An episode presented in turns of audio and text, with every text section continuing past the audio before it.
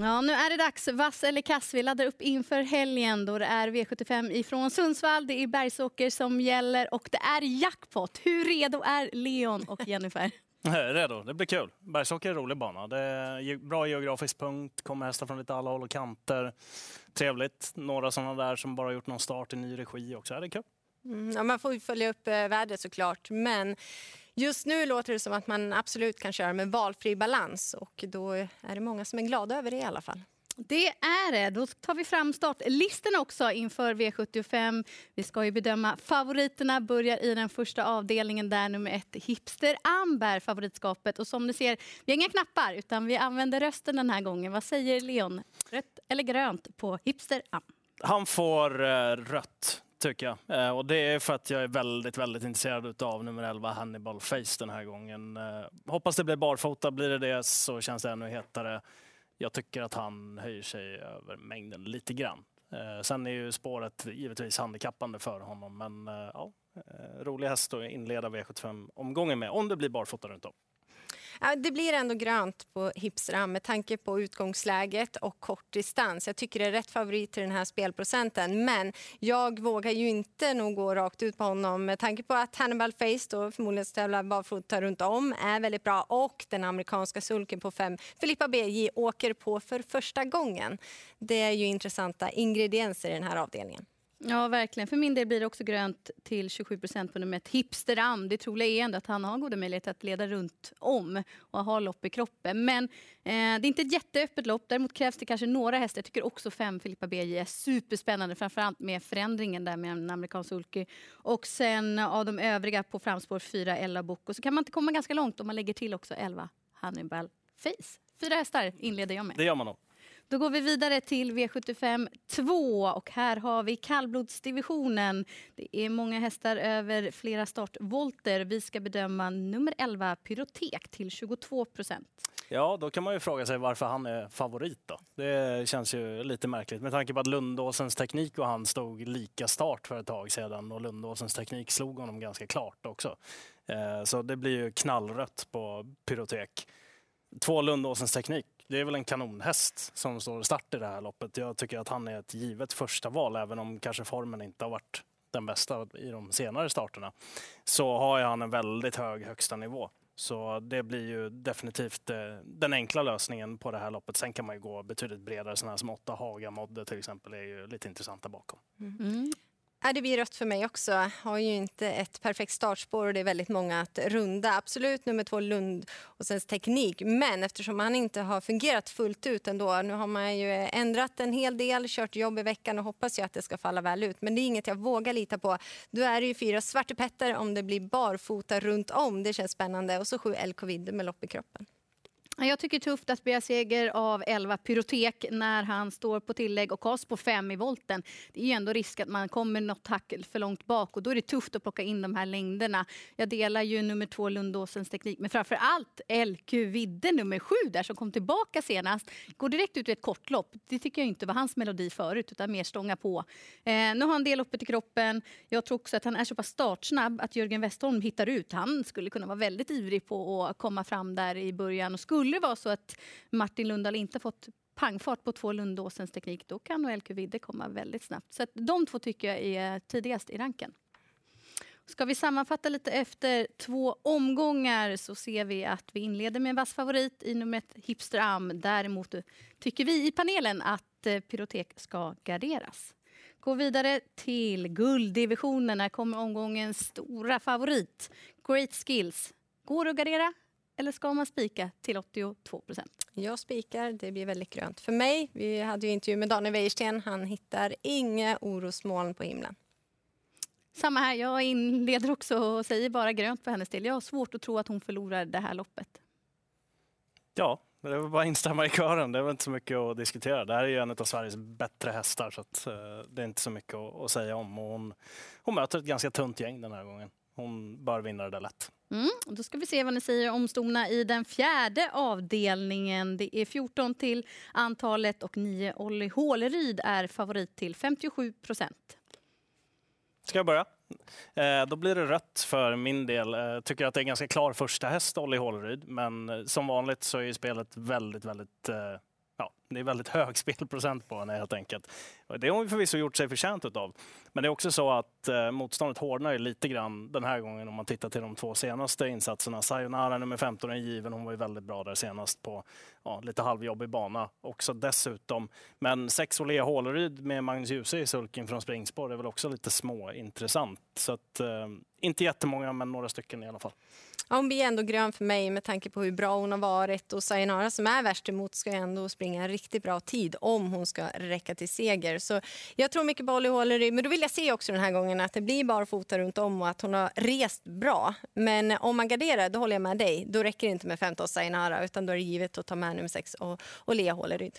Mm, för min del eh, blir det också rött på nio Olli Håleryd och det är för procentens skull. För hon har verkligen växlat upp och är fantastiskt bra. Hon har de här kvaliteterna till att eh, gå ut här och vinna. Men ska jag trycka grönt på henne, då ska hon ju även vara en spik. Och det är hon ju inte i mina ögon. För det finns ändå lite frågetecken kring resa för hennes del. Så att, eh, och jag tycker inte att differensen ska vara så stor mellan Olli Håleryd som 15 Sayonara. För vi har sett det gång på gång hur utslagsgivande det är för de som står på 40. Just bergsåker också med upploppen får bra fart genom slutkurvan. Så jag kan ju se henne plocka in de här längderna.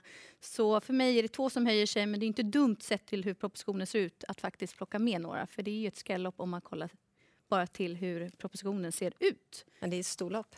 Exakt, och voltstart och flera faktorer kring det också. Går vi vidare till klass 2 så är det i V75 5. Det är långdistans och favorit nu efter tre strykningar är fem Sparkers Dream. Och jag kan börja. Det var ju min idé då bakom nummer två Going Cash. Så jag tycker det är rätt hur procenten ligger just nu. Sen kanske han sticker iväg för mycket nu med tanke på strykning på Going Cash. Men den här hästen har mycket inombords. Jag vet att vi hade er, Anders Eriksson till studion när han skulle starta på V75 Eskilstuna där. Och han pratade väldigt gott om honom. Var inne på att han skulle öppna riktigt bra. Jag tror med det loppet senast när han ryckte det norska huvudlaget, det svar han fick. Jag tror att han är redo för en riktigt bra prestation och distansen räds han inte heller. Så rätt favorit om man vill spika. Vill man gardera så finns det flera där bakom. Ocho vill jag nämna i sådana fall, nummer åtta. Ja, eh, det som är lite synd där, precis som du sa, var ju han lite av idén i, omgången där med tanke på galoppen på Going Cash senast också. Nu blir han tyvärr lite sådär kallare eftersom han kommer få mycket av de strecken och så kommer det trenda mycket uppåt till morgondagen. Så spelmässig vinkel blir att det blir rött och titta på lite skrällar. Typ nummer 8, Occhio, som har rätt så god kapacitet i sig. nedstruken attack, långdistans är bara bra. 7 Exhibition, också en sån häst som tacklar långdistans på väldigt bra sätt. Kan göra lite själv också tror jag. Eh, tror till exempel inte att någon av de två är någon sämre häst än nummer fyra, Jikki Ninki, som är betydligt mer spelad. Så att, eh, det blir att leta lite skräll här istället. Mm, ja, men det blir rött eh, på nummer fem, Sparky Stream för mig. Han är väldigt bra, men tycker ändå att de har inte blivit så rutinerade ändå. Även om han går bra så får det inte strula någonting för att han ska räcka till seger. Fyra Ikeninki i en amerikansk sulky för första gången, det tycker jag är spännande och han har ju utvecklats åt rätt håll.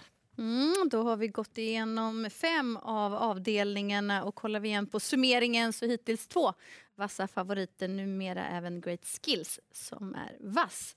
Då kollar vi till V75 6. Här har vi favorit från bakspår i klass 1-försöket. i 9 Chimmy som har varit riktigt bra här på slutet. Men bakspår den här gången, 34 procent.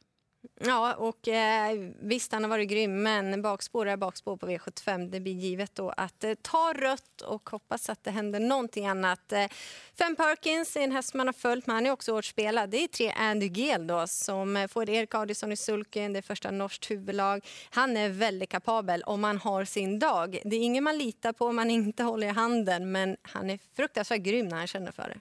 Ja, för min del blir det också rätt på Kimi just för bakspårs skull. Och jag tycker att det här är omgångens svåraste lopp.